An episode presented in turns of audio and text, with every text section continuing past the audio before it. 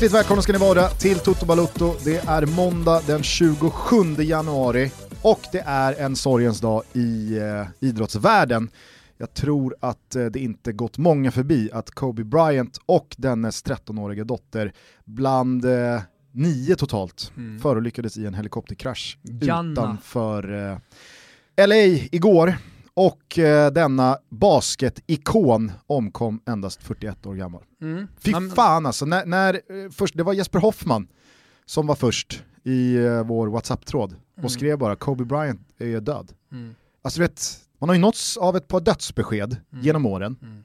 men just när det är idrottare så känns det på ett helt annat sätt så här overkligt än när det är artister som kanske har levt hårt, det har supits och det har knarkats och man har verkligen levt på, på kanten eller om det är liksom, ja, det... skådespelare har jag aldrig kunnat riktigt så här, ta till mig på samma sätt som när, när det kommer till idrottare. Men just när det är idrottare och när det är så stora namn som Kobe men också så i närtiden aktiva och eh, amen, bäst i världen. Men det finns ju, det finns ju eh, några få idrottare som liksom går utanför sin egen sport, som går, som går liksom in i idrottsvärlden. Och man, eh, alla, jag tror alla idrottare egentligen, oavsett vad man håller på med, om man kollar på elitidrotten, så, så kan man relatera till Kobe. Eh, många som har haft honom som inspiration, det ser man inte minst på sociala medier och så eh, nu. Eh, men sen så att han, han var ju väldigt speciell också, eh, som eh, liksom stor idrottsman.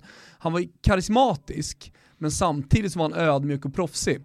Jag förstår skillnaden här, så om du tar Maradona till exempel, så, så uppslukas man ju liksom av vad Maradona är, den här galna, liksom, det är kokain och det är puffrer och såg nu senast han hade gjort någon egen eh, på tron, tron. Liksom, på, på bänken och så här. Och så skrattar man lite åt det och det, och det är ju älskvärt på sitt sätt. Jag, jag, man, man gillar ju allt så men, men, Kobe, han lyckades vara ödmjuk, eh, han lyckades vara det här superproffset, han pratar ju alltid om work hard liksom och eh, alltså så här, var passionerad sporten och dedikerad men samtidigt extremt karismatisk. Mm.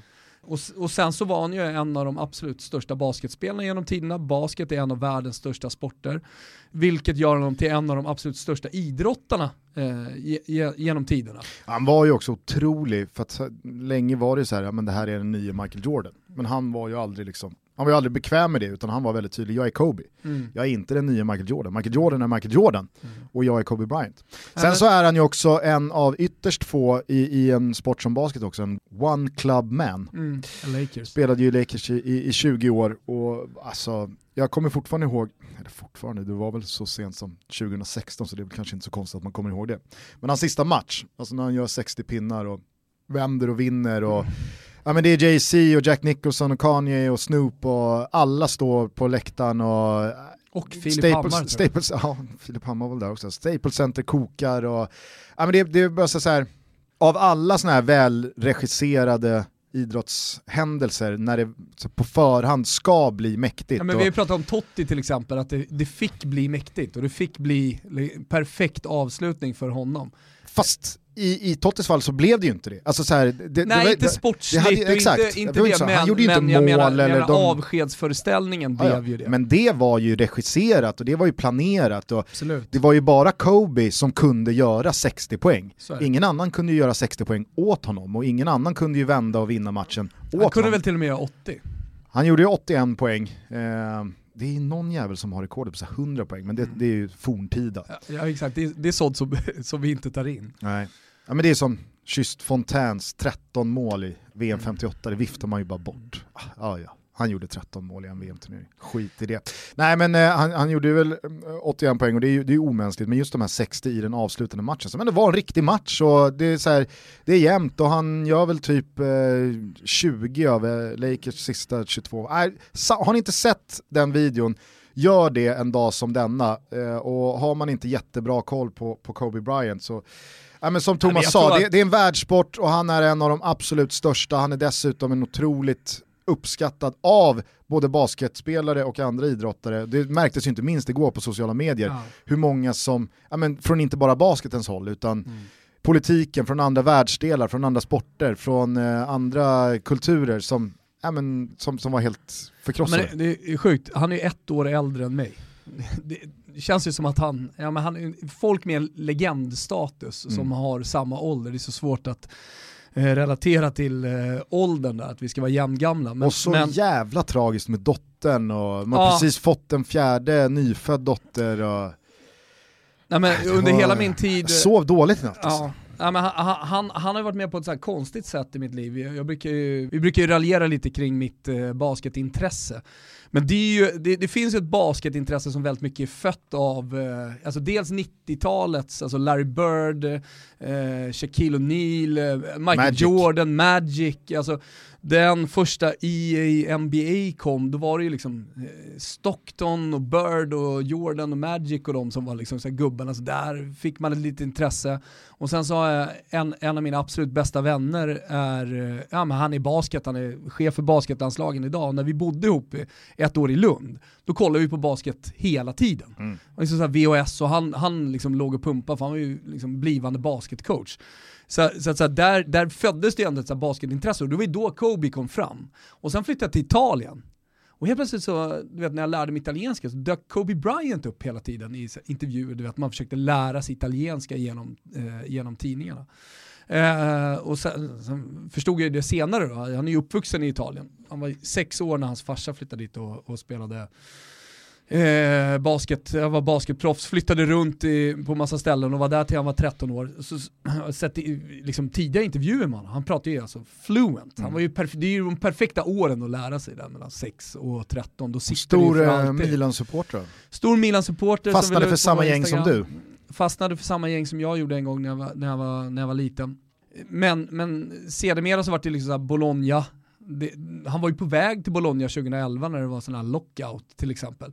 Men alltid haft ett jävligt tight band. Så han, lämn, han har ju alltid pratat om Italien, att han har en bit av Italien i sitt hjärta. Men det också betyder ju att italienarna känner att en liten bit av Kobe Bryant är också italienare. Mm. Så de, de har hela tiden gjort honom till, till han. Så under min liksom, Italienresa så har Kobe alltid på något konstigt sätt funnits, funnits där som någon, någon stor idrottsperson som har känts lite italiensk. Alla döttrar heter väl italienska namn också? Ja, det är Gianna som, som uh, gick bort uh, nu i kraschen och, och Capri heter väl den? Capri? Mm. Mm. Uh, och sådär.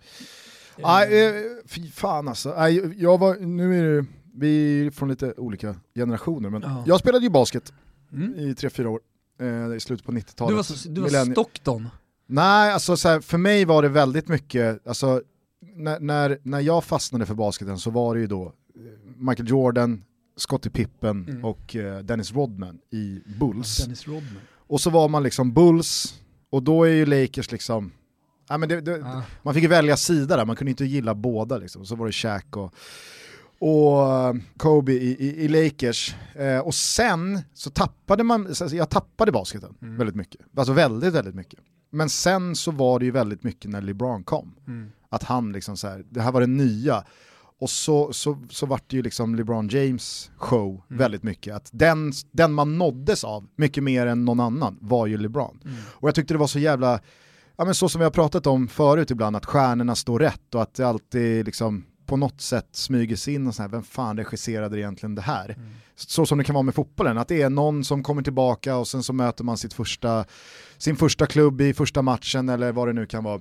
Det är ju faktiskt helt otroligt att LeBron går om Kobe Bryant i antalet NBA-poäng och blir den tredje bästa poängplockaren någonsin bara timmar innan. Mm. Alltså att, och, och lämnar, och, och ger, ger, en, ger en intervju Ja, där han har tårar han, i ögonen på grund av att han just har gått om. Ja, dels så ger han den intervjun och han Kobe. pratar om att ja, men bara, alltså, bara att nämnas i samma sammanhang som Kobe Bryant, det är, liksom, det är så stort det bara kan bli för mig. Och att Kobe hinner liksom, skicka ut i sina kanaler att han liksom hejar på LeBron, att han, nu ska han gå efter andra platsen och fortsätta ta sporten framåt mm. och verkligen är så här och så några timmar senare är han borta. Mm. Ah, ja, Kobe Bryant, en legend, de lever för alltid. Verkligen. Vi eh, ska dock eh, försöka göra måndagstutto även av det här avsnittet. Det har ju varit en eh, sprakande fotbollshelg på många håll och kanter i Europa. Inte ja. England dock. Jävla söndag. Men inte England. Men saknade du England? Om du lägger bort fantasy för två sekunder, saknade du den engelska fotbollen? Nej, på det, söndagen det, var, det, var till skönt. Det, var, det var faktiskt skönt med, med Men inte bara skönt, det hände ju så jävla mycket och det var så bra matcher ja, och svenskar inblandade. Mm. Och vi har inte så många svenskar i, i Premier League. Vill du ha ett svep? Mm. Från helgen tar vi med oss en sprakande italiensk söndag där den till Cagliari utlånade Ninja Nainggolan sköt 1-1 mot sin arbetsgivare Inter. Lautaro Martinez var den som tydligast visade sin frustration över domarinsatsen med sitt röda kort för protest på tillägg och det var en något dyster stämning när slutsignalen ljöd och Juventus således gavs chansen att dryga ut serieledningen från 4 till 6 poäng senare under kvällen. Men innan de svartvita sprang ut på San Paolo var det dags för för eh, Derby della Capitale. Lazio med 11 raka ligasegrar mot ett skadedrabbat Roma kunde väl bara sluta på ett sätt. Japp! Precis som vanligt i Romderbyt blev det tvärt logiken och Roma dominerade matchen fullständigt i 94 minuter. Men Paul Lopez, han ville inte vara sämre än Strakosha och målvakterna hängde lika mycket tvätt. Och ett i andra halvlek ineffektivt Giallo Rossi och eh, nöja sig med en pinne. Det hade nog Napoli gjort på förhand också när serieledande Juventus kom på besök, men staden och laget hade kraftsamlat rejält och de svartvita togs på sängen av de ljusblå. Zielinski och stadens son Insigne sköt 2-0 och då spelade det ingen roll att en glödhet Ronaldo höll i målformen och reducerade i slutet. Gagliolo och Kulusevski gjorde båda mål i Parmas seger över Udinese och Zlatan var inblandad i Milans något oförtjänta seger borta mot Brescia under fredagskvällen. Stor matchhjälte blev Gigi Donnarumma i Milan-målet. Svensk mål också från Alexander Isak när Real Sociedad manglade Mallis och laget närmade sig topplagen då Valencia rättvist slog Barcelona och Atletico Madrid återigen stod för en bisarrt usel insats hemma mot Leganes. Real Madrid således nya ensamma serieledare efter 1-0 Victoria borta mot Valladolid, Getafe och Sevilla också med nya segrar och det tajtar till sig rejält nu om Champions League-platserna bakom klassikoduon. Men svensk mål i all ära, detta är Erling Braut Haalands värld och vi tillåts bara leva i den. Norrbaggen med två nya kassar under sitt korta inhopp i Dortmunds slakt av Köln och då var han ändå missnöjd efter matchen. Tung torsk för Foppens Leipzig och nu närmar sig stora stygga Bayern rejält som ser kusligt bra ut för dagen. Robin Quaisons mål borta mot Gladbach blev en liten tröst och hemmalaget vände och vann och Werder Bremen sjönk ner till nedflyttningsplats efter förlust hemma mot Hoffenheim. Detta gläder oss givetvis. Fuck Bremen. Vi avslutar i England och den så svala fa Cup-helgen. Inga knallar förutom att Shrewsbury pressade fram ett omspel mot ett reservbetonat Liverpool och när nu omspelet sker under den period FA själva bett Premier League-klubbarna att respektera eh, och vara lediga under så slår detta kuppspel nu knut på sig själv. Något måste göras. En av de finaste inhemska kupper som finns håller på att självdö. Gör något! Ska vi bara börja kort med det där? Du, du har hängt med på alla de här eh, turerna eh, kring kuppspelet. Du har väl haft dina egna eh, krönikor, och, krönikor åsikter och, och, och, åsikter och du har svingat lite mot ligacupen mm, och så vidare. Skit det, som, det som nu har skett alltså, och som är nytt för i år, det här har flugit lite under radarn, det är ju att FA har pressat in ett eh, två veckors uppehåll för alla Premier League-lag här nu i början av februari. Mm. Så att eh, efter omgången till helgen så är nästan hälften av lagen lediga i två veckor. Mm. Eh, alternativt då, eh, de andra lagen spelar då mitt i och sen så är de lediga i två veckor. Och det här har FA verkligen varit tydliga med att så här, det här måste ni respektera för att vi får inte slita ut på spelarna och det här, har, det här, det här kommer alla må bra. Det underlättar ju såklart lagen att förbereda sig inför Champions League-åttondelar mm. och, och kraftsamla inför ligavslutningen mm. också. Så att det, ja, det, det, gynnar ju alla kan man ju tänka sig. Men när det då blir så många oavgjorda matcher som det blev i helgens fa Cup-runda, ja, då planerar de in omspelet av de här fa Cup-matcherna till den här eh, perioden av ledighet. Då gick ju Jürgen Klopp ut och sa, ja alltså jag kommer inte rucka på den här ledigheten. Det har vi blivit ombedda att inte göra. Mina spelare ska ha ledighet och de ska ha semester och så ska det vara. Så att eh, det kommer bli U23-laget och jag kommer inte ens leda laget. Mm. Och då blir det ju liksom så här, då blir det ju ytterligare en nivå av pannkaka av den här kuppen. Jag, jag, förstår eh, Jürgen Klopp, det är en kupp för mycket. Och det spelar ingen roll hur mycket tradition det finns. Eh, det, det är en kupp för mycket, det är för mycket matcher och sliter redan på spelarna att eh, dubbla och trippla och spela eh, var tredje dag under hela julen eh, samtidigt då som de andra ligorna uppenbarligen kan hantera det med sina ligacuper. Mm. Eh, och det här sker alltså samma säsong som just Liverpool fick ställa upp med U23-laget och de själva var på en annan kontinent mm. för att man inte lyckades hitta ett omspel i mm. ligacupen. Eh, mot Aston Villa va? Mm. Nej det var inte ett omspel, det var faktiskt det var ordinarie, ordinarie kvartsfinalen. Exakt ordinarie kvartsfinalen, men de hade ju klubblags-VM, det ja. var helt omöjligt. Mm. Det var dubbelbokat mm.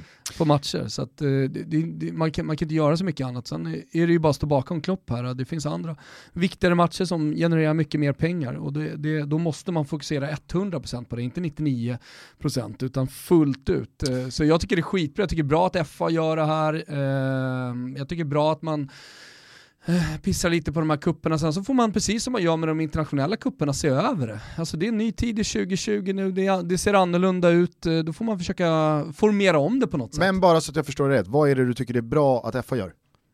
Ger ledighet. Ja, men det är ju också FA som då lägger omspelet i sitt ja, egna men, men jag tror, jag tror, jag tror att det, ja, jag, jag, är med på det, men jag, jag, är helt övertygad om att de, de känner på det här, mm. ser hur reaktionerna blir, för att sen kunna göra om det.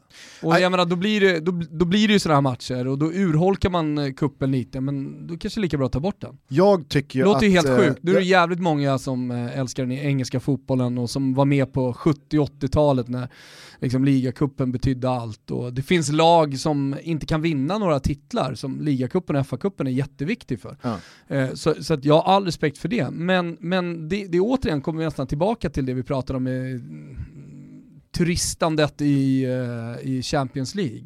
Så, fotbollen förändras hela tiden. Man måste göra om det, man måste skruva på saker hela tiden. Det gäller även de, den inhemska bollen. Mm. Och uh, nu har man kommit till ett sånt läge i England där det inte funkar längre.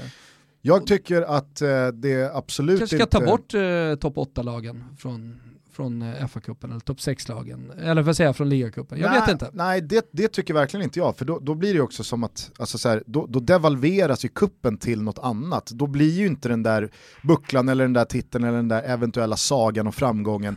Stäng ner dem. Den kommer ju alltid vara attached till här, en brasklapp eller en asterisk. Jo det, fast det, samtidigt, fast, om, om, du, om ska ja. tänka på det lite, glöm bort Leicester lite så, så är ju även eh, då Premier League bara till för vissa lag. Ja fast där är ju i alla fall förutsättningarna Ja teoretiskt ja men inte rättvisa liksom alltså teoretiskt så skulle du kunna säga att ja, alla, alla ska spela 38 matcher och alla ska möta varandra. Ja, men jag, jag men det, är ju, det, är bara, det är bara några lag som kan vinna titeln. Absolut. Och i slutändan handlar, ju, handlar ju Premier League, ligacup, FA-cup och Champions League handlar ju om att vinna titeln. Jo, det handlar inte om något annat. Fast det jag pratade om nu, det var ju att ja, men du föreslog att man kanske ska ta bort topp 8-laget. Ja men då blir ju den där titeln man tar, kommer ju alltid vara så här. jo men de hade ju aldrig vunnit den om inte, alltså det hade varit ja, så att de här lagen... Ja, då får man och, acceptera och därför, det. det är ju som Europa League, ja, om de hade aldrig vunnit den nej, om det var för... absolut. Den kuppen bara... är för dem, den kuppen är för dem och den, den, den här kuppen är för dem. Ja, men det är ju en superskillnad mot då ligan, för där är det så här, ja men de som vinner, de vinner ju. Liverpool kommer vinna Premier League nu och då har de varit bäst av alla lag. De har tagit flest poäng av alla lag. Det finns ju ingen asterisk där. Det finns ingen, ja fast om inte, det, det, det... det är ju en stor skillnad. Jo. Och jag tycker att alltså, så här, det du nämner här, det är ju jätteviktigt och det är som jag sa i svepet här. FA-cupen är ju en otroligt anrik och en av de finaste inhemska kupperna som finns. Men jag är också på ditt spår att man måste kunna vara lite lyhörd, man måste kunna förstå att det är inte 1976 längre. Nu spelar de här klubbarna 55, 60, 60 plus matcher per år och kuppen i sig det tror jag alla är överens om. Man vill ju ha de bästa lagen, man vill ha de bästa spelarna, man vill att den där titeln inte ska vara någonting att vaska. Således så tycker jag att en, en klockren och given åtgärd från och med nu, in i nästa säsong redan, ta bort det här med omspel vid kryss. Dels... Avgör skiten.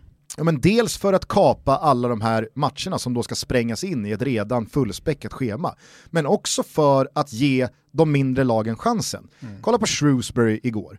Ja, men det är en jätteknall att lösa 2-2. Visst, det är ett jättereservbetonat och ungt eh, liksom, eh, juniorvariant av Liverpool. De sätter förvisso in Firmino, Salah och det finns Fabinho, Lovra, ja, men så här, Matip. Det är, det är bra spelare. Shrewsbury når 2-2, det är ju en jätteknall. självklart så kommer det inte spela någon roll att det är U23-laget här nu som ska spela omspelet. På Anfield så kommer ju de slå eh, Shrewsbury. Mm. Så, så kommer det bli. Men hade det varit så att man tar bort omspel och att man kör förlängning, eller som i ligacupen, direkt straffar, men då ger man ju också lag som Shrewsbury möjligheten att faktiskt slå de största lagen. Så att jag, jag, jag tror att... Precis som jag, i Champions League så sitter inte jag på något facit här. Nej, men, men jag reagerar bort, bara... Ta bort omspel i FA-cupen, det är en superåtgärd. Ja. Dels för att eh, plisa Premier League-klubbarna som då inte behöver ta hänsyn till omspel mitt i veckan, men också ge de mindre klubbarna bättre förutsättningar och bättre möjligheter att slå bjässarna. Mm. För över 90 minuter kan man göra det. Mm. Över 180 minuter, nej. nej. Det, det, då kommer det inte ske. Mm. Ligacupen tycker jag dessutom att, alltså så här, det här att det är enkelmöten fram till semifinal, sen ska det vara dubbelmöten. Det är också jävligt orent. Mm. Jag, jag, ja, jag säger det, det, det är redan orent. Ja, ja, men se över vad man kan göra. Jag tycker också att man kan inleda kupperna tidigare, i synnerhet liksom ligacupen. Nej, jag, jag, hoppas verkligen att det här nu leder, för, för det, det, skulle vara så jävla tråkigt om Pep Guardiola och Jürgen Klopp att man går på deras linje, inte minst då eh, Pep Guardiola, skrota de här två kupperna. Det vore liksom verkligen att bara lyssna på Champions League-lagen. Men man måste ju få till någonting som funkar bättre än vad det gör nu. Ja, det är möjligt. Vi är sponsrade av våra vänner på Ranstad, Thomas. Världsledande, det är det enda jag tänker på. När jag hör Ranstad hela tiden, då tänker jag på jobb, möjligheter, alltså livsmöjligheter och så tänker jag på världsledande. Mm. Randstad är alltså världsledande inom bemanning och rekrytering och de är experter på jobb. De kan hjälpa dig att hitta rätt både i arbetslivet och med karriären. Mm. Man kanske står utan jobb och behöver ett nytt. Man kanske har eh, men, nått vägs ände med det jobbet man har och vill eh, byta bana, växla upp eh, eller kanske så känner man sig undervärderad. Ja, men som jag har gjort det många gånger i min yrkeskarriär, känt eh, ja, men lite inspiration eh, från det jobbet man har, man vill eh, hitta en ny miljö, man kanske vill göra någonting helt annat. Jag har ju bytt ganska många spår och då har det varit ganska svårt, alltså på den tiden när jag växte upp eh, utan internet, tänk en sån sak Gusten. Eh, då var det ju liksom så här, jag, inte, jag var inte inne på arbetsförmedling och sådär, men, men det var ändå försöka lyssna med kontakter, försöka hitta spår och så här. Och det är ju så jävla fantastiskt, tänk om man hade växt upp under en tid, om jag hade gjort det, när Randstad fanns. Ja. Det hade varit helt otroligt. Du har bara gått in då på randstad.se, ja, men, eh, skapat sig en jobbevakning på jobb som man är intresserad av. Jag hade kunnat registrera mitt CV. Ja, men det här är ju möjligheter som finns för alla ni som lyssnar nu. Och ni som eh, hörde förra veckans avsnitt vet ju att det finns en eh, mängd lediga tjänster också på randstad.se. Ska vi dra några exempel eller? Ja, men vi gjorde ju det förra veckan, men jag är nyfiken på hur det går för dig att landa eh, gigget som slussvärd på Göta kanal. Ja, jag har inte riktigt börjat än, men låt, låt oss följa det här. För det, det, det, det, det är ett gig jag ska söka öka, det är helt klart. Alltså. Sen kommer jag säkert få hård konkurrens eftersom det är många som lyssnar på det här. Hörni, vi säger stort tack till Randstad för att ni är med och möjliggör Toto Balutto. Stort tack.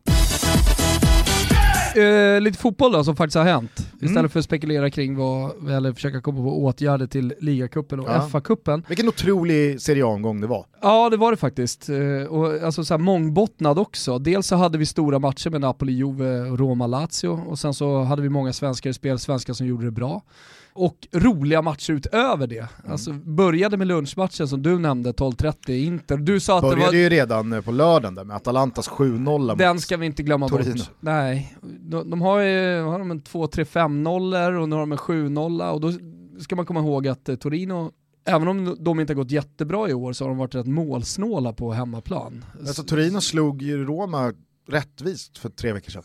Ja, för tre veckor sedan ja, exakt. På Olympico. Ja. När allting stämmer i Gasperinis 3-4-3, då är det nästan en fotbollstaktik som är oslagbar.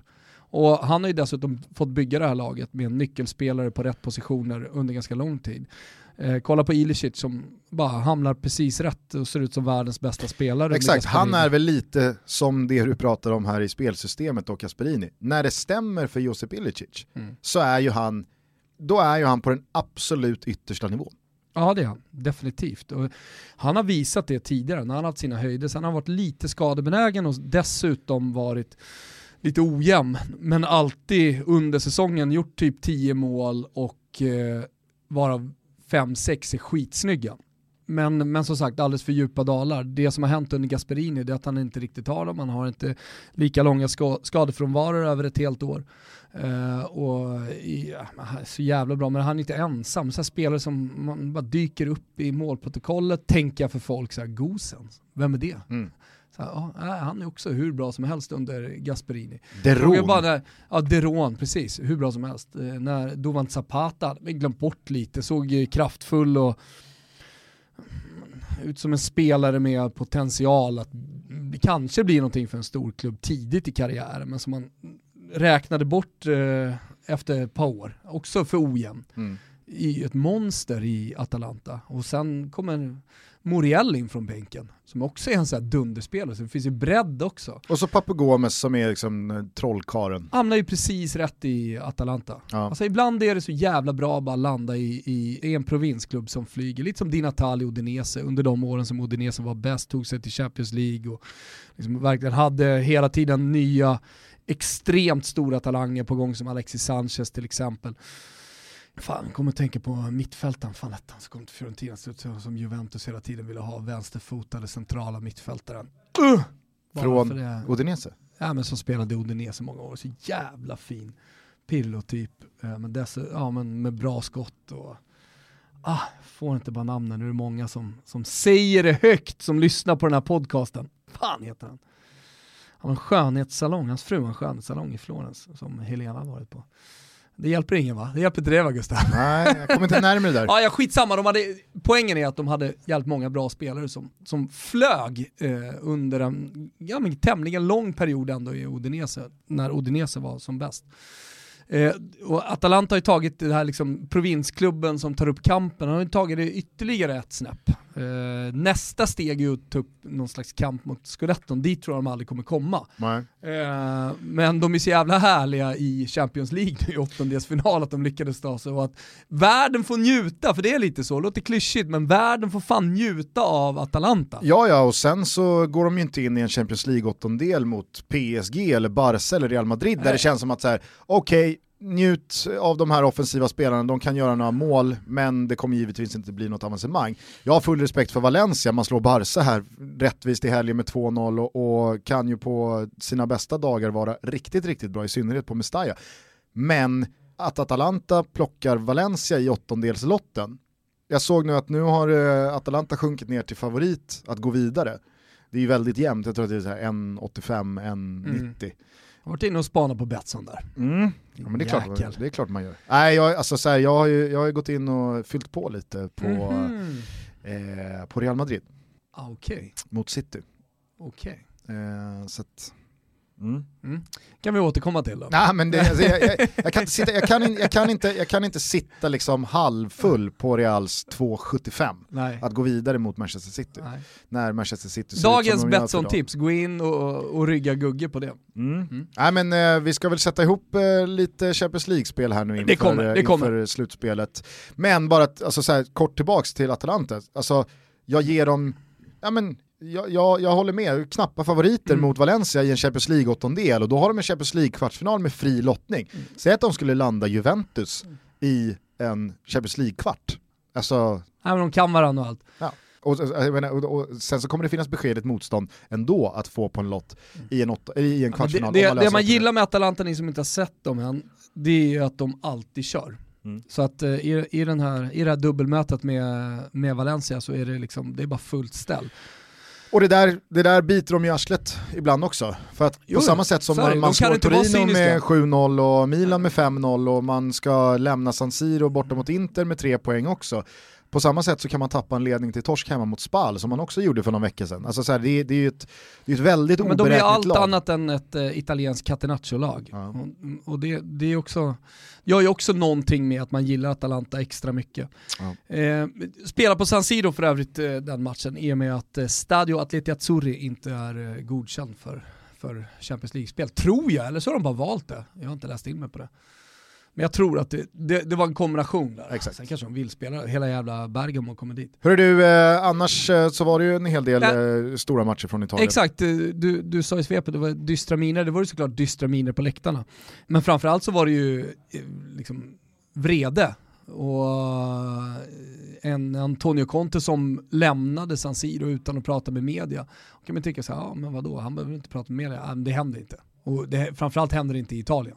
Utan du går förbi mixade zonen och sen så pratar du med, ja, med studio och det är olika. Eh, sen har du presskonferens, eh, men eh, Antonio Conte han, han dammade bara därifrån. Lautaro Martinez, jag trodde först, för han stod ju tyst länge, väntade in slutsignalen efter att Lautaro Martinez hade fått sitt andra gula och då blivit utvisad för att ha protesterat mot domaren. Jag då trodde jag han var arg på Lautaro Martinez så han skulle gå in, tacka domaren och eh, skälla ut Lautaro Martinez. Men han då valde att rikta sin vrede mot, eh, mot domaren. Jag tyckte att eh, Martinez var lite för sur. Sen kan jag också tycka att han skulle ha frispark i det där mm. läget. Så att, eh. och jag tror, om jag uppfattar domarens liksom agerande rätt, så är det inte ett andra gula, utan först får han ett gult, sen så kommer en ny salva från Lautaro ah. som då är direkt rött. Aha. Jag har inte sett eh, hur han, det har landat. Han, stå, han står ju och håller i, i det röda väl? Nej, han tar upp det gula först. Aha. För att han har ju det röda i en annan ficka. Och sen så när Lautaro då kör på ytterligare efter det gula så är det inte så att det gula kommer upp en gång till för att sända upp det röda utan det är ett gult och sen kommer det röda direkt. Så jag tror ändå att det var ett direkt rött okay. kort han fick. eh, men det var ju en jävla salva och som sagt det, det, det, det går väl att, att, att, förstå att han tyckte att han skulle ha frispark men det var ju inte det som föranledde att topplocket flög. Det var ju att Inter för tredje matchen i rad tappar poäng i en match man ska vinna på pappret. Jo men det är det och som är anmärkningsvärt. att Juventus då redan har gått ifrån med fyra poäng, spelar senare under kvällen. Det här är ligatiteln som försvinner. Nu slutar det med att Inter tar in en poäng på Juventus istället. Ja. Men man borde ha tagit in två till, kan man ju tycka. Men, men det som är anmärkningsvärt och faktiskt är en grej, det är ju att man tappar en hel halvlek. Alltså andra halvlek när man ska stänga matchen Eh, så så lyckas man på något konstigt sätt eh, bjuda in Kaljer och bjuda dem på målchanser. Jag tycker att det känns ganska stabilt när eh, halvleken börjar. Jag tycker att de har målchanser tillräckligt för att vara cyniska i straffområdet till att avgöra matchen. Man pratar ju mycket om det, alltså fan 1-0, du, måste avgöra matchen på de chanserna du får. Men, men, men sen ger man bort det och, och det, det, där är nog Conte jävligt missnöjd med sitt lag, men jag tror också så lite självkritisk mot sig själv. Hur fan kan du ge bort det? Vad är det som händer med Inter? Och nu är det så en gång, ingen gång, två gånger, miljon gånger. Nu är det en grej. Först mot Atalanta, nu mot Cagliari också. Ja, och mot Lecce. Och mot Lecce också. Eh, dessutom så tycker jag att, alltså, så här, är det inte lite konstigt ändå att Italien inte har som i England, att utlånade spelare inte får spela mot sin arbetsgivare? Nej, jag gillar det. Du gillar det? Ja, ja, ja alltså det, går, det går inte att tvivla på Naingolans insats då, att han på något sätt skulle ha På tal om mångbottnat, då blir matchen för... ännu mer mångbottnad. Självklart, ja, det, det, är bara så här, det, på något sätt så, så är det... Så Inter betalar ju en del av eh, Naingolans lön, ja. Cagliari betalar inte allt. Nej, och jag menar bara att det är ju svårtuggat att Inters egna spelare eventuellt mm. skjuter ligatiteln. We love our pets, but when the floor is covered in fur, that's harder to love. Eufy X10 Pro Omni Robot Vacuum has powerful 8000 PA suction to make hair vanish from floors in just one pass. Plus, the roller brush has automatic detangling for easy hands-free maintenance. Want to know more? Go to eufy.com. That's EUFY.com and discover X10 Pro Omni, the best-in-class all-in-one robot vacuum for only $799. Want flexibility? Take yoga. Want flexibility with your health insurance? Check out United Healthcare Insurance Plans. Underwritten by Golden Rule Insurance Company, they offer flexible, budget friendly medical, dental, and vision coverage that may be right for you. More at uh1.com. Vill du själva behållande? Ja, Köp ja, honom inte. Fan lös ett jävla sportcheferi istället. Jag tycker att det är bra. Fortsätt med det här. Sen så var det ju då Derby della Capitale, Roma-Lazio och som jag då lite snabbt sa i svepet, det brukar ju vara så att ett lag går in i den här matchen med kanonform. Många gånger i senare åren har det varit Roma, och då är det som på beställning, Lazio som tar tag i matchen, vinner rättvist och Roma står inte att känna igen från den tidigare superformen. Nu var det Lazio som kom med 11 raka segrar, förvisso många som blev segrar på tilläggstid, mm. alltså när man har avgjort sent och haft lite marginaler med sig, inte bara så lite heller. Förvisso en tung torsk här i kuppen borta mot Napoli några dagar tidigare, men ändå så var det ju Lazio som kom med sitt bästa lag, 11 raka, eh, mot eh, då eh, en tabelltopp där Inter precis hade tappat poäng och så vidare. Och så Roma då som kommer med, med, med skador på en hel del nyckelspelare. Det var, jag vill Men du vet att jag har varit inne på att jag tycker att Roma ser bättre och bättre ut hela tiden och jag vet mm. att de är på väg in i en formtopp. Vi hade spelat dem i Toto-trippen med precis den motiveringen. Och eh, jag hade en magkänsla, vågade liksom inte basunera ut den stenhårt innan, men hade en magkänsla på att Roma skulle göra en bra match. Mm. Och när man läste tidningarna inför också, så här, Fonseca han pratar om eh, att Roma ska vara en Mustang, de ska vara en vildhäst som bara går ut frustande och orädda. Det är precis vad de gjorde. Alltså, och det, det är det på något sätt, så han har fått Roma, han har hittat en karaktär på det här Roma. Alltså nu, nu, nu ser man dem ute på planen, man känner igen Roma vecka efter vecka. Det, det, det, är ett jävligt framåtlutat lag, det är ett lag som springer mycket, det är ett, det är ett lag som kämpar för varandra. De, de spelar för tränare för första gången. Fan kan minnas de verkligen spelar för en, för en tränare. Eh, han säger bra grejer i intervjuer efter och före matcher och sådär. Alltså det här är verkligen ett lag, och ett lag med en nu då, nyfunnen eh, karaktär. Och eh, när man, när man går ut mot det, det är väl lite det kanske som var min magkänsla, att jag trodde lite på Roma i den här matchen. Eh, mot ett Lazio som haft ja, men lite miniflyt i vissa matcher, och en Immobile som har varit så fantastisk. Han kan ibland, ibland falla bort i de stora matcherna. Och det kanske är det då som får Eh, storklubbarna att inte öppna plånböckerna. Att det inte är en massa flyttrykten på Chiro Immobile. Skitsamma, han har gjort en dundersäsong, så inget, ing, ing, ing dåligt om honom så. Men, men, men det, allt det där fick mig att liksom tro lite mer på Roma. Nu vart det kryss till slut, men som du säger, det var ju en jävla överkörning ute på planen. Ja, det var helt sanslöst. Sen så är jag fan en av få, verkar det som, Roma-supportrar som verkligen inte tyckte att det skulle vara straff. Alltså jag tycker att det är en solklar frispark för Lazio. Mm. Klöivert springer ju in och kör över en spelare som inte alls går in i en duell. Vi har din brorsa här utanför nu, han, han tyckte att det var solklar straff. Vi mm. tar en diskussion med honom senare. Isak! Isak! Hålla på och diskutera domslut. ah. Nej det är fan inte Toto. Vi har Nej. lagt av, det, det, man, man kan inte hamna där, det blir så det blir så kladdigt Gusten. Mm, verkligen.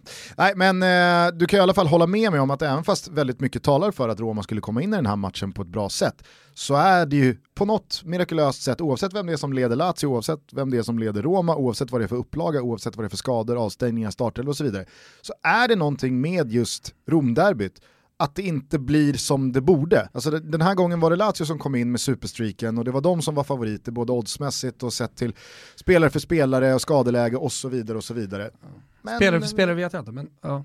Senaste tio åren, så, det slår nästan aldrig fel. Nej. När det är Roma som ska vinna, då går Lazio därifrån med tre mm. poäng. Och ja. tvärtom. Men Hur sen fanns det någonting annat med den här matchen som jag tycker är betydligt viktigare. Och det har att göra med Lazios och Romas säsonger och var de befinner sig någonstans i, i klubbarna just nu. Eftersom det har varit så extremt mycket negativt kring supporterskarorna. Eh, och från supporterskarorna ska jag säga också de senaste åren. Allting har handlat om protestaktioner mot myndigheter, poliser, det italienska fotbollsförbundet, eh, det har varit protestaktioner mot ägarfamiljer, ja, Lotito han lever, han lever under ständig, liksom, det är ständiga protester mot honom från Lazio-kurvan. Men de har ju lärt sig leva med det på något konstigt jävla sätt. Alltså den där relationen, den, ja, det, det är som ett gammalt gift par har det blivit. Det här liksom militanta, våldsamma eh, som eh, liksom inledde relationen mellan Lazio-supportrarna, att han tog bort Irreducibile och deras makt och så här, det har ju försvunnit. Eh, liksom. Och nu, nu, nu, nu håller de mest på att gnabbas. Men att det finns, alltså att det, det, går sportsligt bra för Lazio, det tycker jag är viktigt. Eh, det är viktigt för den italienska fotbollen, att det finns ytterligare ett lag som är med och, och bråkar lite grann i alla fall med Juventus och Inter här nu. Och, och att Roma också verkar ha glömt bort lite i det här läget eh, sin eh, amerikanska ägare. Det pratas fan, har du tänkt på det? Pratas inte så jävla mycket om James Palotta längre och ja, det amerikanska ju, Det var ju väldigt mycket i mellandagarna när det, liksom, det kändes som att nu, nu blir det en försäljning här.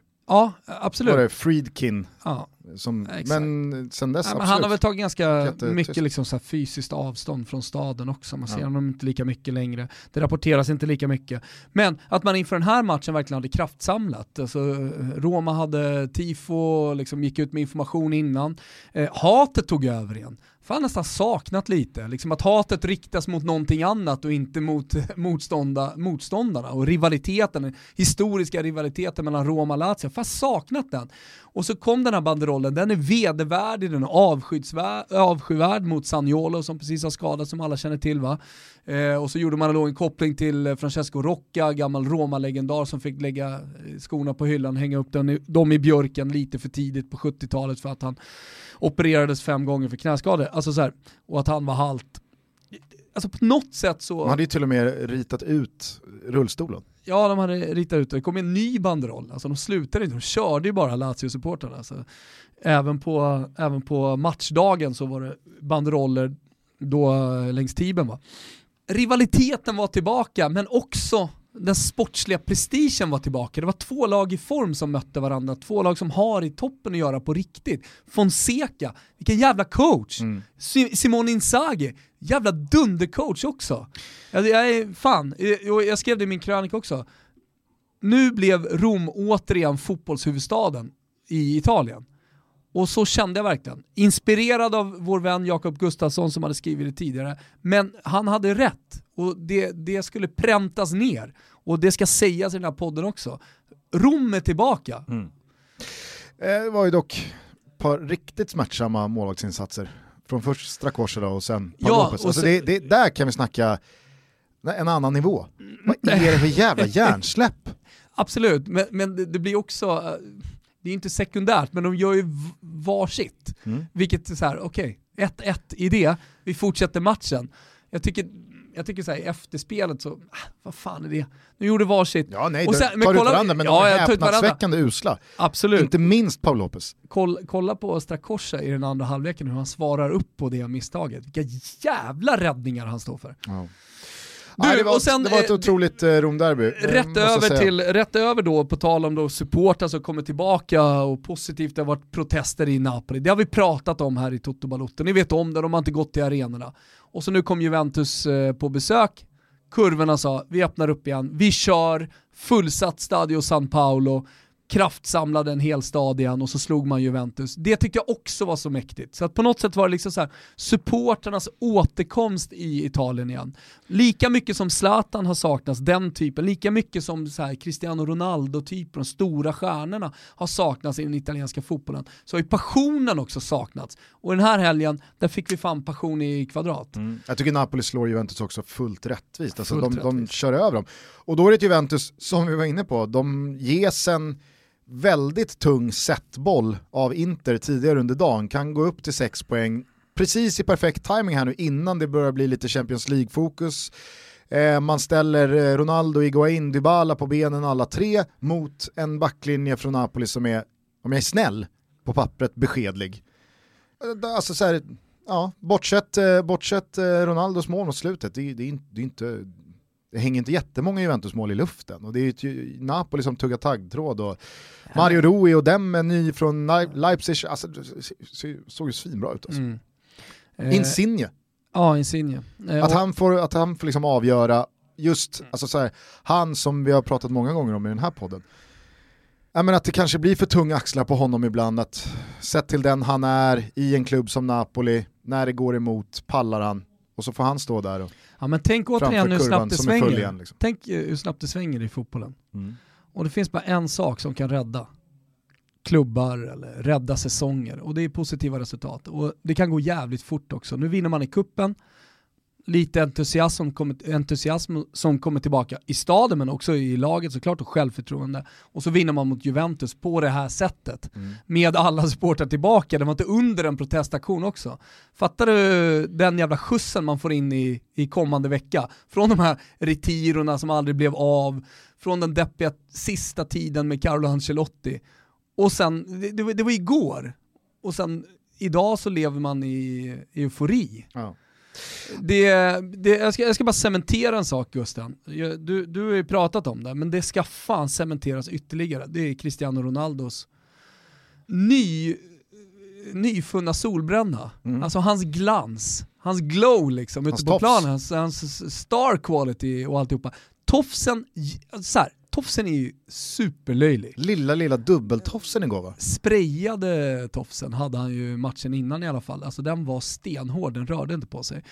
Men, finns det inte någonting med det här med frisyrer som gör om fotbollsspelare som också sen påverkar på planen. Jag tänker i alla fall att den här tofsen har gjort att eh, Cristiano Ronaldo har hittat tillbaka. Alltså nu, han ser ut som en helt annan spelare. Mm.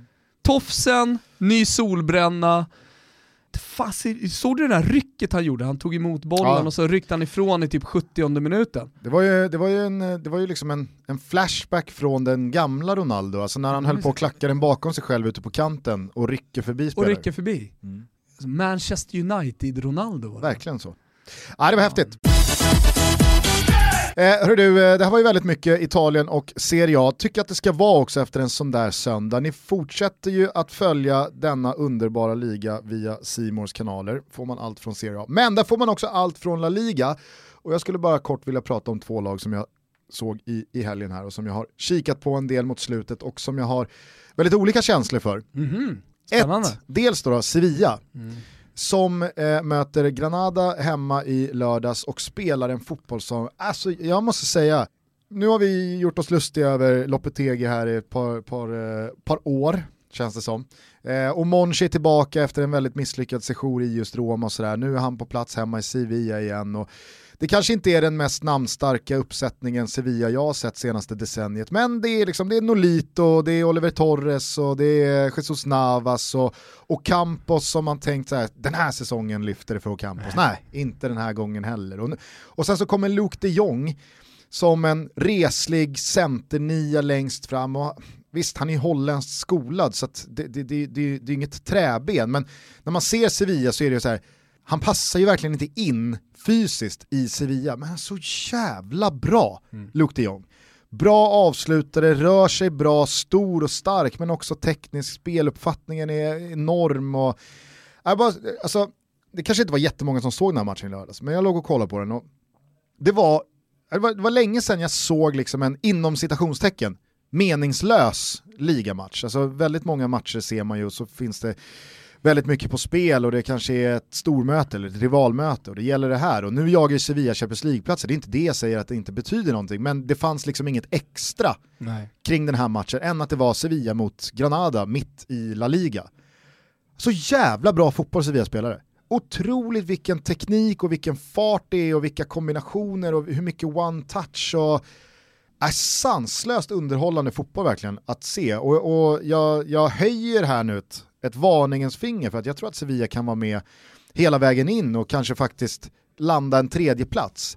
För att då kommer jag till det andra laget som jag bara vill nämna, Atletico Madrid, som givetvis ska, hur man än vrider och vänder på det, vara lag nummer tre i La Liga. För att gör Real Madrid och Barca det de ska göra med deras trupper och deras plånböcker och deras satsade pengar så, så ska ju de ta de första två platserna. Men sen ska Atletico Madrid vara där. Mm.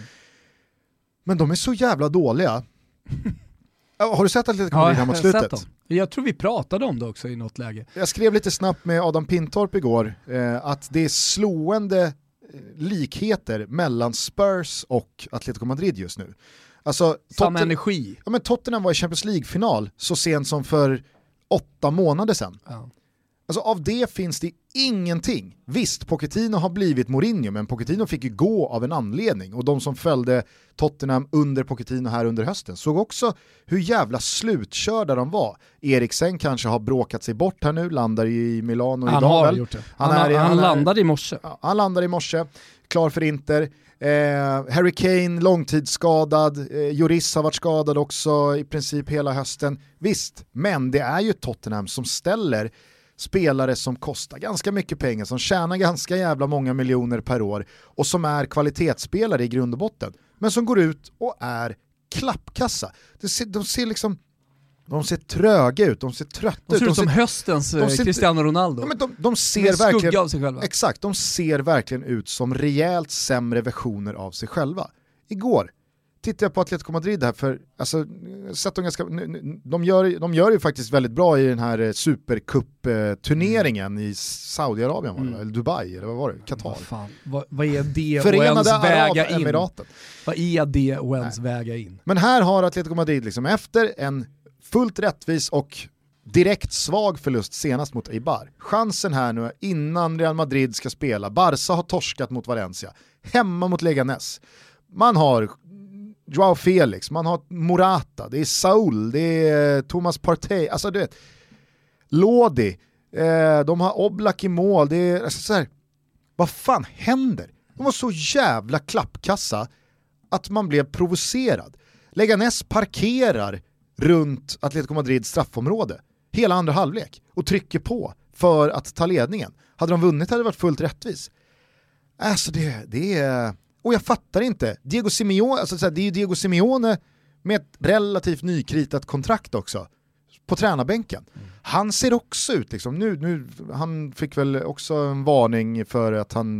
Det är för sig positivt, att absolut, han reagerar. Absolut, men när han inte får ut den energin, för är det någonting som Diego Simeone har lyckats med under alla sina år på den där tränarbänken, så är det att han kan brinna mest av alla, men han kanaliserar också ut det på plan.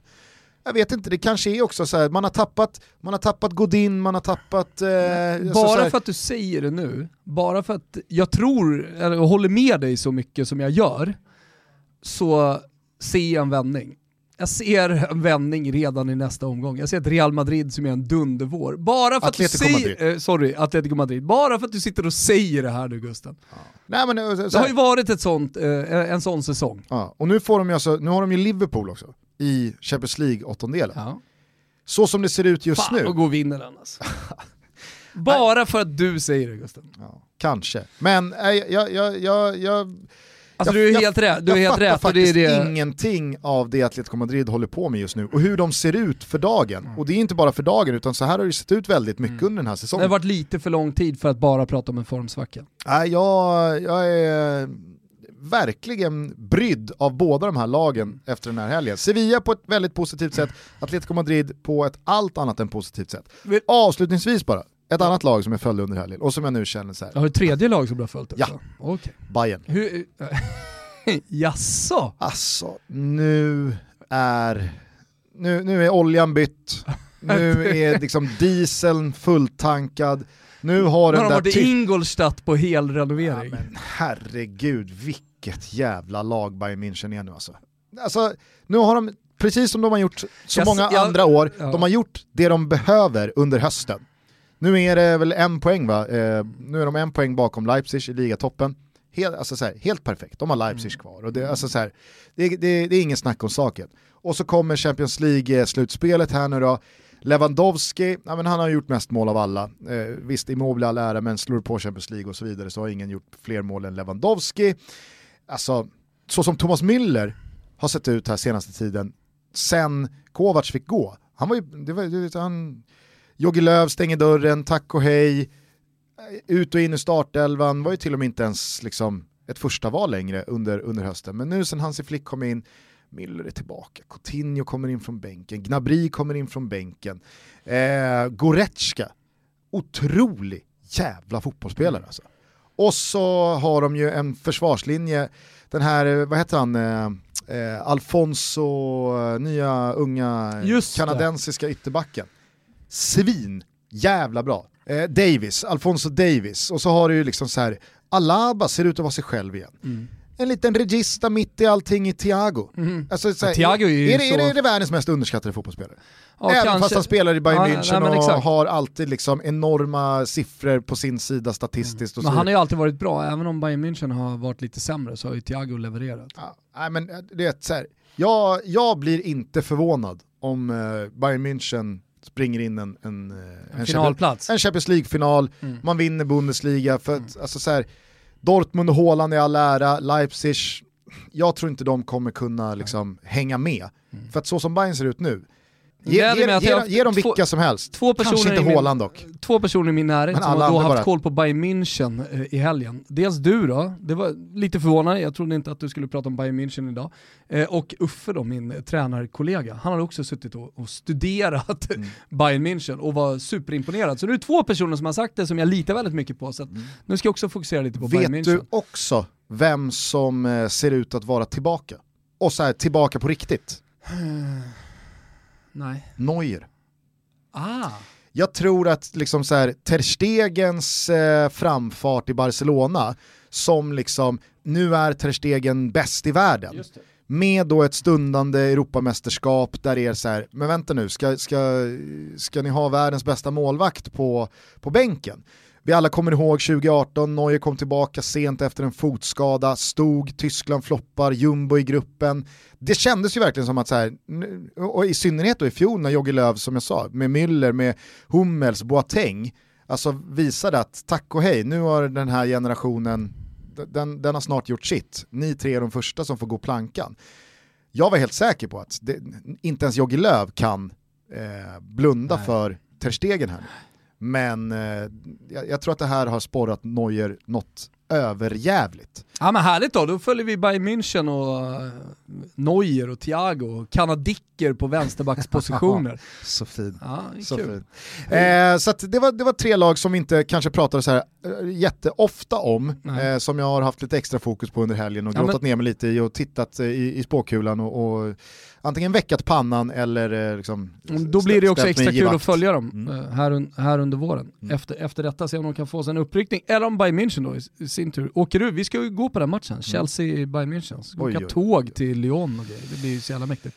Eh, vill du ha en eh, gulasch eller? Mm. Och eh, den är ju då riktad till alla som skickar ut eh, lika som bär. Och det där kommer ju hela tiden, eh, det kommer på dig och Will Smith och det kan ju i och för sig tycka är lite roligt. Eh, för att du vet, man kan hitta någonting. Vissa är ju så roliga för att man kan hitta någon slags jämförelse. Och i det här fallet så är han svart och du vit och då blir det kanske lite extra roligt. Eh, men överlag 99% av alla lika som bär är ju usla. Mm. Eh, men det, det jag blir irriterad på är att när man bara svarar att jag tycker inte att det är likt, då blir ju folk stötta. Alltså folk blir kränkta, ja, ja, verkligen, folk blir kränkta över att man säger att det där, nej det är inte likt. Och i helgen så pikade det när Martin Åslund skickar ut att Dejan Kulusevski och Christian Eriksson är lika. Då var jag bara liksom tvungen att säga det rakt ut, jag var bara rak och ärlig. Ja. De är inte lika. Nej. Då menar ju Martin Åslund på att du, du har inga tolkningsföreträde, alla får väl tycka vad de vill. Jo, men så är det väl med allt. Jag, jag skrev det så här, men jag kan ju tycka att min, min dotters teckning är finare än Picassos tavla. Men, men det och finns Jeppe Arvidsson är bättre än Messi. Ja, man kan tycka saker, men sen så liksom, är vissa saker hjärndöda. Precis som jämförelse med Kulusevski och Christian Eriksen. De är inte lika överhuvudtaget, punkt slut, eller hur? Däremot, såg du eh, bilden på Millwalls mittfältare Cooper som dök upp här? Jag skickade in den i vår WhatsApp-tråd också. Alltså, han och Jesper Karlström, Just, det går ju inte att förneka. Där, där, där, har du en bra, där har du en lika som bär som men håller du har ju ett måttet. öga. Men, men det, det jag märkt, det är att folk liksom vill in i lika som bär-världen. Mm. Alltså folk sitter liksom och har en agenda att de vill vara lite sköna och lägga ut lika som bär. Det är inte alla som har det. Nej. Alltså, tänk så här istället, ni som lyssnar och som vill vara lite roliga med lika som bär nu har jag en chans faktiskt att avstå och tweeta det här. ta den chansen. Ja, ta då den chansen. Ja. Skicka inte ut det. Och framförallt, tagga inte in mig om ni gör det. För då kommer ni få en rejäl sågning. Kan ni inte ta det så, ja. Hörru, på tal bara om eh, Jesper Karlström, du såg att han signade nytt. Ja. Eh, jag misstänker, alltså jag har ju varit inne på det redan under hösten här, men eh, även under vintern där, att jag tror att jag trodde att Djurgården skulle ha ett väldigt eh, intakt mästarlag. Eh, just för att de har så många spelartyper som är jätte, jättebra för att slåss i toppen av allsvenskan. Och, alltså så här, men väldigt många av spelarna är spelare som kan, det, det duggar inte svintätt med erbjudanden från utländska klubbar som lockar vare sig ekonomiskt eller sportsligt. För det är så många spelare som inte är och så har väl de allsvenska klubbarna också kommit upp sig lite så att man kan betala Såklart. riktigt bra lön. Jag är helt övertygad om att i fallet då Jesper Karlström som satt på utgående, han var alltså han, han, var tillgänglig att gå till vilken klubb som helst utan en övergångssumma. Det brukar betyda en jävla eh, ökad möjlighet att få en riktigt fet sign-on. Mm. Men när det kommer till centrala mittfältare, Jesper Karlström, det är ingen poängmaskin, han är mycket, han är jävligt nyttig, men det, det, alltså, det är ju som en fattigmans Albin Ekdal. Mm. Och där har ju Albins stora problem alltid varit för att han inte har tagit det här sista klivet just hans poängproduktion. Mm. Visst, mycket skador och så vidare också såklart, men ni fattar vad jag menar. Men nu så måste man ju ändå eh, konstatera att Bosse Andersson är ju på väg att göra ett helt otroligt mästarfönster. Att Buya Turay skulle försvinna, skyttekungen från 2019, det visste ju alla i och med att han bara var på lån. Det är löst. Men det är löst i och med att ersättaren kommer från Norrköping, heter Kalle Holmberg och vann allsvenska skytteligan för bara några år sedan. Sen så är det då Karlström kvar. Kujovic jag, jag finns ju som Kujovic nästan ett nyförvärv ja, också. Exakt. Nej, men och sen så kan man då behålla Ulvestad, Marcus Danielsson blir kvar, Une Larsson, ytterbackarna, Vaiho ska ingenstans i målet. Berg ska komma eh, i form. Erik Berg är tillbaka från skada och blir också som ett nyförvärv. På, på ytterpositionerna så finns Haris Radetinac och Bärkrot och Ring och Chilufya, alltså så här, de ska ingenstans heller. Astrid tror jag många, både djurgårdare och eh, alltså, vi som följer Djurgården utifrån, fick upp ögonen för också hur mycket han betyder för laget eh, i, i den här sista mm. tio dokumentärserien. Han kommer givetvis också som en annan spelare in i den här säsongen. Han kommer nog vilja vara en ännu större del av Djurgården rent sportsligt ute på plan. Nej, jag tycker att eh, i dessa, alltså i Toto Balutto-tider som inte är speciellt mycket svensk fotboll, det blir ju så den här mm. tiden på året och det har vi inga problem med. Så börjar man ju nu blicka mot den svenska säsongen, kuppen rullar igång under februari och så vidare och då tycker jag verkligen att vi kan börja med att dela ut en jävla schnitzel till Bosse Andersson som ser ut att lösa ett helt otroligt fönster mm. för regerande mästarna Djurgården. Mm. Och på det, det glömde jag att få med, du har sett eh, Tino Tenda Kadewere, mm. har ju sålt till Lyon mm. för någonstans mellan 15 eh, och 20 miljoner euro. Det här ska då Djurgården ha 20% av när man har räknat av eh, summan han köptes från Djurgården för, om jag har förstått det rätt. Mm. Vilket innebär att så här, Djurgården har mer eller mindre behållit sitt mästarlag, tagit in en fullvärdig ersättare till Buya Turay, fått tillbaka nyckelspelare eller riktigt kvalitativa spelare från skador och dessutom fått in typ 20 millar på mm. banken. Mm. Mm. starka papper. Jävla starka papper. Jag vill bara så avslutningsvis eh, få folk att vara lite på tå de sista dagarna av transferfönstret av flera anledningar. Eh, dels så har vi några situationer med svenska spelare som man verkligen vill följa. Robin Olsen till exempel. Ingen har missat att eh, Kranjo är tillbaka som eh, första målvakt. Eh, det kan ju delvis då betyda att Cagliari ser honom som första målvakt. de äger ju honom, mm. men att han är på väg bort eventuellt också då. Men jag är ju, jag är ju positiv till om Olsson skulle sitta bänk hela våren. ja, minns våren 18. i form. Ja, men ja. minns våren 18. Ja. Spelade knappt en match, hade väl någon nyckelbenskada eller axelskada, vad fan det var kommer till VM, super-VM. Spikar igen. Mm, spikar igen. Ja, men så, så då, då har vi lite svenska situationer som är intressanta, men för alla allsvenska lag, ta, ja, men ta AIK som ett exempel. De vill ju ha Alex Milosevic eh, som nu tränar med laget och är nere på Karlberg med grabbarna. Väntar förmodligen på att för, få ett förslag från någon europeisk klubb så att han kan fortsätta sitt proffsliv utomlands. Eh, men när fönstret stänger, då är det europeiska fönstret stängt. Då är det bara Kina kvar. Och Kina, lite Ryssland också? Ja, de har öppet lite längre också, exakt. Um, men, alltså möjligheterna att han blir kvar och tar ett bud från AIK är ju betydligt större. Mm. Men han är inte ensam, jag tar honom som ett exempel bara. Så att alla de här spelarna som fortfarande inte har signat eller är i speciella situationer, de, de, de kan snart bli väldigt aktuella att, eh, att spela allsvenskt. Eh, en spelare som vi ska ha koll på också, det kom upp här, hamnar lite i skymundan, eh, ryktas till Lazio, bland annat men inte bara, eh, Niklas Eliasson. Mm. Som har gjort det jättebra i Championship. Fan, smält upp 10 ass va? Ja, han är väl eh, näst bäst eh, vad gäller assist. Ja. Och typ topp 5 när det kommer till eh, poängskörd. Bara, att, bara att Lazio en klubb som Lazio nämns är ju häftigt och då, då förstår man ju liksom, ja, det kan bli kanske någonting stort av Eliasson. Kan det till och med vara så att han blir ett alternativ till eh, EM-truppen? Så att eh, mycket att liksom eh, vara på tå kring.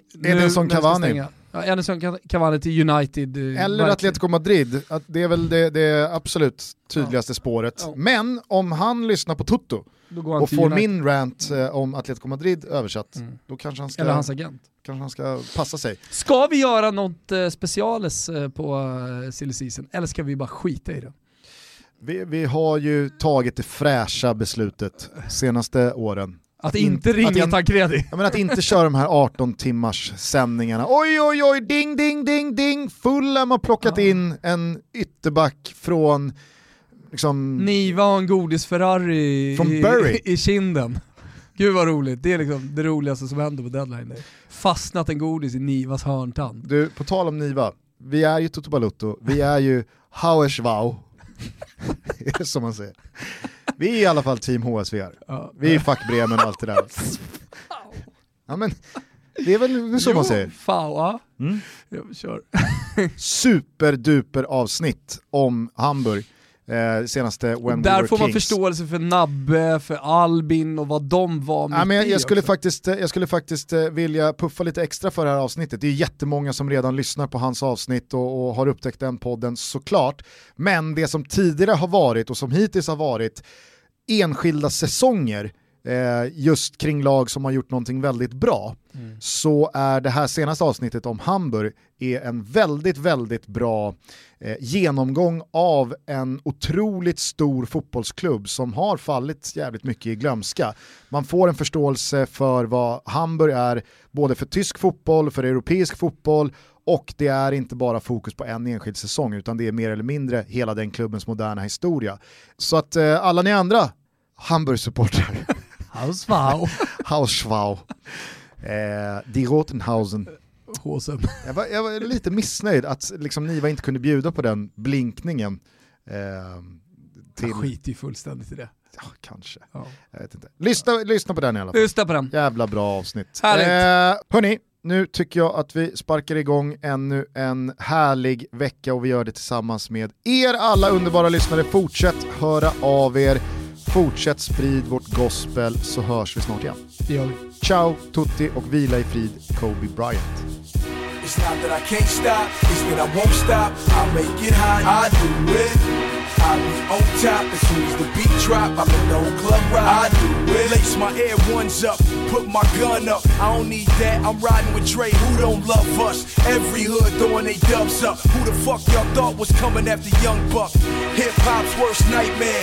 Mr. Gangsta rap is back in Black night airs. You want war? We can settle it right here. I got a squad, EVE and Busta Rhymes, yeah. Or you can give me a bitch, her with the light hair, sitting next to these yellow bottles, yeah, right there.